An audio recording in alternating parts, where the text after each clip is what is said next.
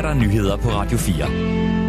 Regeringen bliver anklaget for løftebrud om den såkaldte seniorpensionsordning, der skulle give flere mulighed for at gå på pension.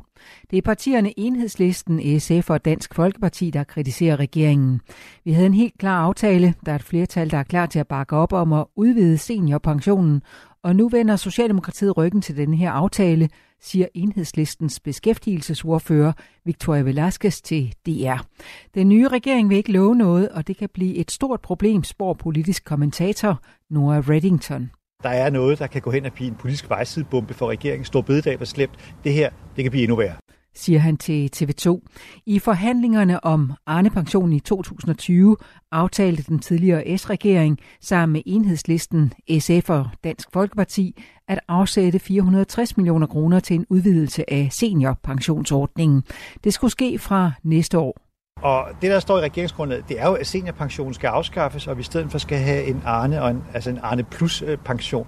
Men hvad det er, hvad det betyder for den enkelte dansker, det er helt uklart. Og det er jo det, oppositionerne øh, reagerer mod. De vil have en form for afklaring. De kan se, at regeringen har et stort problem forklarer Nora Reddington til TV2. I et svar til Folketinget gør beskæftigelsesminister Anne Halsbo Jørgensen det klart, at den nye regering først skal tage stilling til, om forslaget kan blive til virkelighed ifølge DR. Heller ikke Venstre vil give DR klart svar på, om de stadig mener, at seniorpensionen skal udvides. Bestyrelsen for teatret Avenue T har besluttet ikke at politianmelde den tidligere teaterchef Jon Steffensen, trods anklager om en forfalsket underskrift. Det oplyser kommunikationsansvarlig Benjamin Rud Elbert på vegne af en samlet bestyrelse. Vi har efter rådgivning fra to uvildige advokater, og for ikke at komplicere hele sagsforløbet mellem teatret og Jon Steffensen, valgt ikke at politianmelde, lyder det. Bestyrelsesformanden for teatret, Henning Dyrmose, har fortalt, at fyringen af Jon Steffensen i maj sidste år blandt andet skyldtes, at han havde forfalsket en af teatrets bestyrelsesmedlemmers underskrift. Det skulle ifølge børsens oplysninger være sket, da han var teaterchef i 2017. Jon Steffensen er folketingsmedlem for Moderaterne og nægter at have forfalsket en underskrift.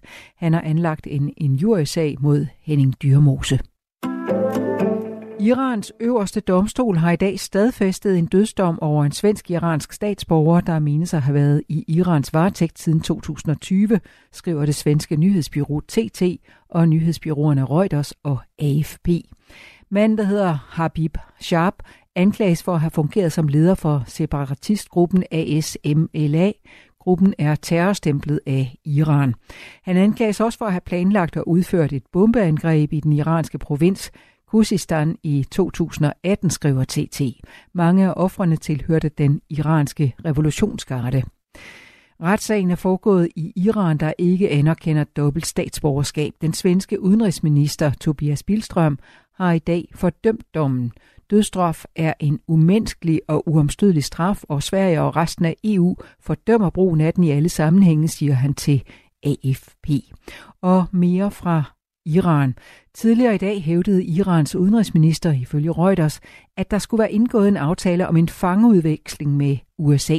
Men det afviser en unavngiven talsmand for det Hvide Husets Nationale Sikkerhedsråd nu, ifølge Reuters.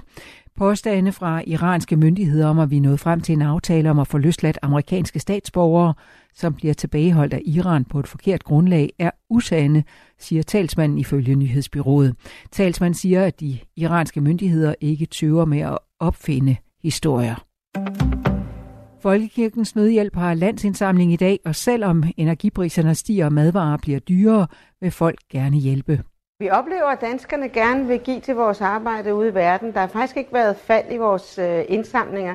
Det var der heller ikke under krisen i 2008, så vi oplever, at danskerne gerne vil være med til at hjælpe de mennesker, der har det allersværest siger Birgitte Kvist Sørensen, der er generalsekretær i Folkekirkens Nødhjælp, og det sagde hun til DR. Dagens indsamling går til krigen i Ukraine, jordskælvsoffrene i Syrien og sultramte på Afrikas horn. Sne og slud breder sig ind over landet fra sydvest og når frem til de østlige egne her hen ad aften. Den sydvestlige del af landet får regn sidst på dagen. Mellem 1 og 5 grader og let til frisk vind mellem vest og syd hele det næste døgn. I nat der bliver det skyet, og vi får først sne eller slud, og efterhånden så kommer der regn over hele landet.